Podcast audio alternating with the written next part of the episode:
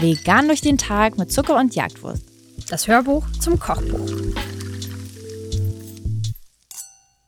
Jetzt kommen wir zu einem Kuchen, der, wie ich finde, irgendwie girly aussieht, oder?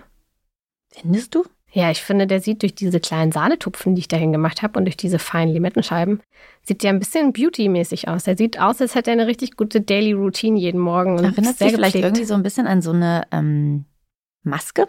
Ja. Mit Gurkenscheiben auf, auf Ja. den Augen Ja, drauf? für, ich, für mich ist das irgendwie ein Beauty-Shot, ein absoluter Beauty-Shot. Ich finde, das sieht aus wie so, da saß jemand eine Stunde und hat sich richtig schick gemacht für dieses Fotoshooting.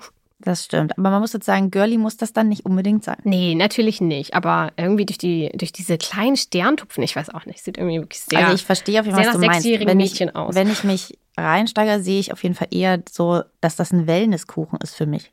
Sieht wirklich aus nach Gesichtsbehandlung.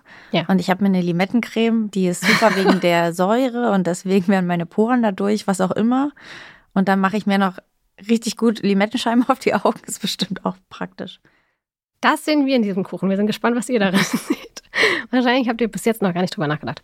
Naja, wie auch immer. Das hier ist auf jeden Fall unsere kleine Limettentat. Äh, In unser Kuchenkapitel wollten wir natürlich nicht nur Torten und Kuchen packen, sondern auch eine Tat. Haben wir noch eine Tat? Ich glaube nicht. Mhm. Nee, ist unsere einzige Tat. Genau.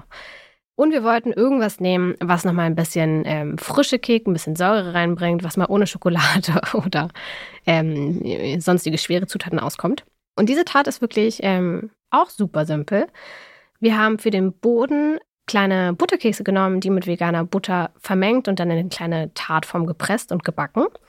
Und für die Creme braucht ihr eigentlich gar nicht viel, denn ähm, eigentlich mixen wir alle Zutaten zusammen und machen wie eine süße Mayo draus. Klingt ein bisschen komisch, aber im Endeffekt ähm, sollen sich hier Öl und Milch ähm, durch das schnelle Mixen verbinden und zu einer cremigen Masse werden. Also emulgieren. Genau das gleiche, wie man es auch bei einer Mayo macht, machen wir mit dieser Creme. You had me at süße Mayo.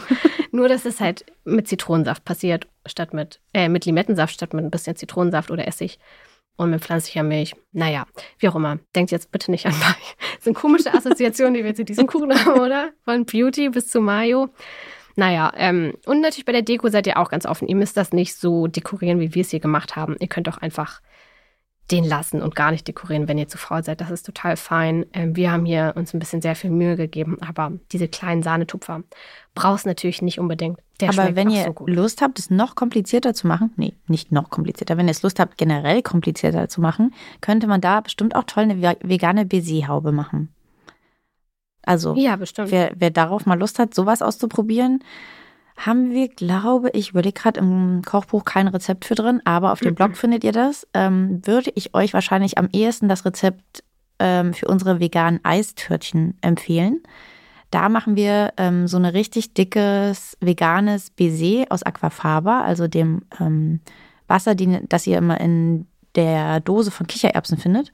Wenn man das aufschlägt und dann mit so einem ähm, Zuckersirup tatsächlich anrührt, dann wird da so ein richtig fester, fluffiger Schaum draus. Und den könnt ihr nämlich sogar flambieren. Der ist dann wirklich so stabil, dass ihr den auch oben abfackeln könnt. Äh, und das könntet ihr dann, wenn ihr das denn möchtet, auf diese Limettentat packen. Falls ihr einfach Zeit habt und, und ja, es euch einfach zu simpel ist. ja, wenn euch das simpel ist, macht das auf jeden Fall. Aber ja, eigentlich haben wir wirklich versucht, bei dieser Limettentat das relativ safe und simpel zu halten. Ähm, wenn ihr was vorbereiten wollt, dann könnt ihr den Teig einfach einen Tag davor schon backen und auskühlen lassen und am nächsten Morgen eigentlich nur noch diese Creme anrühren und draufpacken und dann muss der Kuchen auch nicht mehr gebacken werden, die wird von alleine fest. Ich würde allerdings diesen Kuchen, glaube ich, nicht lange transportieren, weil ich finde, alles, was so einen Keksboden hat, ist natürlich ein bisschen bröseliger als jetzt zum Beispiel ein Biskuitteig oder einen, weiß ich nicht, äh, Hefeteig. Ähm, deswegen, ich würde den jetzt nicht in zwölf Stücken schneiden und dann in so Brotboxen packen, die zusammenquetschen und irgendwo hinschleppen. Ich glaube, das ist ein bisschen unangebracht, auch mit der Creme und so. Ähm, das ist irgendwie ein Kuchen, den stellt man frisch dekoriert, richtig, richtig hübsch auf so einen Tisch. Dann nehmen sich alle ein Stück und dann, essen, dann wird er gegessen. Aber transportiert ihn nicht durch halb Deutschland. Ich glaube, das würde ich jetzt nicht empfehlen. Dafür haben wir genug Alternativen in diesem Ja, Kapitel. sonst. stabile Alternativen. Absolut richtig. Ähm, ja, und das war es auch schon mit dieser Limettentat.